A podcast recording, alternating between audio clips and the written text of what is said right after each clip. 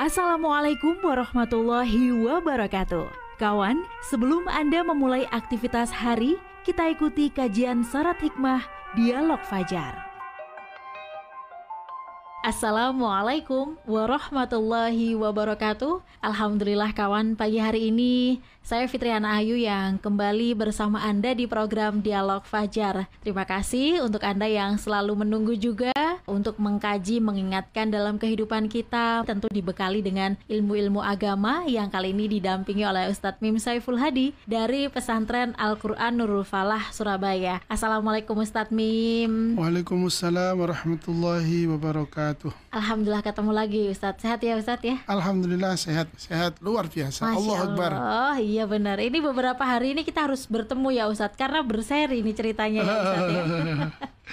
Saya alhamdulillahnya juga Ustadz Mim ini bukan orang-orang yang ini ya apa loman. Oh, maksudnya Ustadz Mim ini orang yang loman begitu. Uh, Masya Allah. Karena yeah Sesungguhnya orang kikir ini ternyata masuk di antara barisan atau golongan perusak dunia, gitu ya, hmm, ya Ustadz Mim ya. Iya iya. Nah, itu yang seperti apa sih Ustadz? Jangan-jangan ada nih di diri kita. Yeah. Diingatkan kembali Ustadz, uh, orang-orang yang kikir sebagai perusak dunia. Monggo selengkapnya Baik. bersama Ustadz Mim Saiful Hadi. Baik, terima kasih Mbak Ayu. Alhamdulillah, alhamdulillah, alhamdulillah luar biasa kita bisa dipertemukan kembali oleh Allah. Allah melimpahi kita kenikmatan, rahmat, berkah sehingga pagi hari ini Ya Allah, telinga kita bisa mendengarkan ya dengan enak itu. Ini nikmat loh ya bisa mendengarkan suara ini ya. Betul Ustaz. Saya bisa bicara, kita bisa ngomong ya, suara kita keluar iya. Mbak Ayu ya. Coba kalau batuk ya Ustaz ya. uh, uh, betul. Ini kan nikmat yang masya Allah, betul, ya masya Allah. Iya. Mungkin sambil rebahan atau mungkin nah. sedang bersiap untuk berangkat, ya hmm. menyiapkan bekal untuk putra putrinya ya, dan seterusnya lah kesibukan ya. rutin pagi kita. Salawat dan salam tersanjung kepada junjungan kita Rasulullah Muhammad Sallallahu Alaihi Wasallam yang menjadi panutan bagi kita semuanya. Kawan-kawan sekalian dirahmati oleh Allah, bila pertemuan yang lalu saya atau kita mengobrolkan tentang wa'akilur riba, orang yang memakan riba. Mm -mm. Maka yang sekarang ini kelompok berikutnya yang menjadi perusak dunia itu adalah wal bakhilul ladzi la yubali min aina yajma'ul mal yaitu orang bakhil yang tidak peduli bakhil itu kikir medit pelit podo itu yang tidak peduli dari mana ia memperoleh hartanya hmm. ini satu pasangan Mbak Ayu jadi yeah. orang bakhil itu atau orang pelit itu pasangannya dia tidak peduli dengan harta diperoleh dari mana. Hmm. Kenapa? Karena kalau setiap orang yang punya dia merasa apa yang dia punya ini adalah dari Allah, hmm. dari Allah. Niscaya dia tidak akan ibaratnya ngono nek gegem banyu gak netes. Ya Allah. Saking pelite. Banyu digegem lo gak ya, netes. Ya, ya itu ada plastiknya soalnya. ya Saking meliti kan gitu ya orang iya, bilang iya, kan iya. itu istilahnya. Medit itu masya Allah banyak digegem luka netes itu ya. Saking pelitnya. Hingga dia nggak peduli kan dengan kesulitan mm -hmm. orang. Mm -hmm. Dia tidak peduli hanya orang dulu kadang-kadang nggak nggak peduli mm -hmm. dia. Mm -hmm. Ya kon melarat kan, anjene kon males misalnya kita tambah ini kan itu ya kon soro ya awakmu biyen lapo? Gak nyambut gawe temenanan. Saiki kon soro apa jenenge uh, jaluk-jaluk nang aku jaluk tolong misalnya gitu. Misalnya lagi. Iya iya. Ada tetangga kita sedang kesulitan kita bisa membantu tangan kemudian dilipat. Bahkan kalau di dalam Al-Qur'an itu di, digambarkan tangannya itu di apa diikat di punggung Pak Ayu. Jadi hmm. diikat begini. Ya, terus ya. pokoknya disembunyikan lah tangannya itu sehingga seolah-olah bukan urusanku kan itu. Ur urusanmu dewe kan itu. Hmm. nah ini kehidupan sosial kita menjadi uh, tidak harmonis ya. Betul. kehidupan sosial mbak Ayu ya. Mm-hmm. ya kita kan hidup di kampung ya. Kita yeah. kan ya. bisa merasakan ono uang upal itu setengah mati tari aneh angel angel pol itu sampai numpuk sampai numpuk nggak peduli. Pikirannya kan sulit untuk kita pahami. Tetapi kan sudah jelas, orang-orang pelit inilah yang menimbulkan kerusakan dalam kehidupan sosial hmm. kita. Hmm. kalau kita mau berbagi saja, sesungguhnya kan menjadi enak hidup kita ini. Yeah. Suasana sosial kita ini kan juga menjadi nyaman. Kenapa? Karena kita mau berbagi. Loman. Sebaliknya jika orang-orang ini atau siapa pun kita ini yang menggenggam rapat tangannya dan tidak mm -hmm. mau mengulurkan tangan kepada orang lain, apa pun bentuknya, kalau bakhil ini bukan hanya soal harta sesungguhnya Mbak Ayu ya. ya. Apa sajalah. Kalau kemudian kita tidak mau mengulurkan tangan kita untuk membantu orang lain, tidak ada kepedulian, tidak ada kepekaan terhadap kehidupan sosial kita, maka yang terjadi akan ter apa namanya terjadi disharmoni dalam kehidupan sosial kita. Nah agar nggak bakhil bagaimana sederhananya kan gitu mbak ya, Betul, ya yang pertama adalah sadari bahwa harta yang ada di dalam tangan kita atau apa pun kelebihan kenikmatan yang ada di dalam genggaman kita ini bukan punya kita, bukan hmm. milik kita. Ini miliknya Allah. Kita bisa bekerja karena Allah memberi kita sehat. Loh sehat kan aku mau olahraga Ustaz. Coba yeah. sekarang, ayo lihat. Orang olahraga itu yang atlet itu adakah yang sakit? Ada apa enggak Mbak Ada, ada kan? Ada. Berarti kan ya enggak, enggak selalu. Walaupun tidaklah salah ya. untuk menjaga kesehatan itu dengan olahraga. Tapi tidak bisa dibalik kan? Ya. Kalau kita berolahraga pasti selalu sehat. sehat. Tidak tentu kan? Ya, betul. Maka dari itu sesungguhnya dari mana sehat itu? Allah yang memberi kita sehat. Kewajiban kita menjaga kesehatan. Nah gitu kan? Ya. Tapi tetap kesehatan ini dari Allah. Sama harta. Harta dari mana? Allah memberi kita harta. Hmm. Walaupun kita berusaha keras, bekerja dengan sungguh-sungguh, betapa banyak orang yang sudah melakukan hal yang sama, tapi juga ya. tidak banyak hartanya. Ya, ya. Maka dari itu, kawan-kawan sekalian rahmat oleh Allah, terimalah harta ini dari Allah, pemberian saja Hmm. Ini pemberian dari Allah.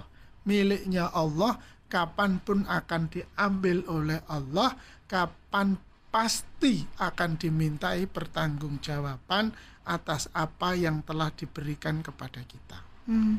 Kedua, agar kita tidak bakhil, kita harus selalu ingat, selalu ingat, tolong selalu ingat, dulu dan kelak apa yang bagaimana apa yang kita peroleh bagaimana kita memperolehnya dulu eling hmm. zaman biene mbak Gimana? istilahnya oh iya iya kalau di kita ini kan titik nolnya mbak oh, ya iya, nah, kita betul. sering kita punya rubrik titik nol kan ya iya, iya. itu untuk menyadarkan kita betul. betapa sesungguhnya kita pernah berada pada satu titik di mana di situlah titik itu kita memulai dan karena ini mulai, karena mulai, berarti pasti ada akhirnya.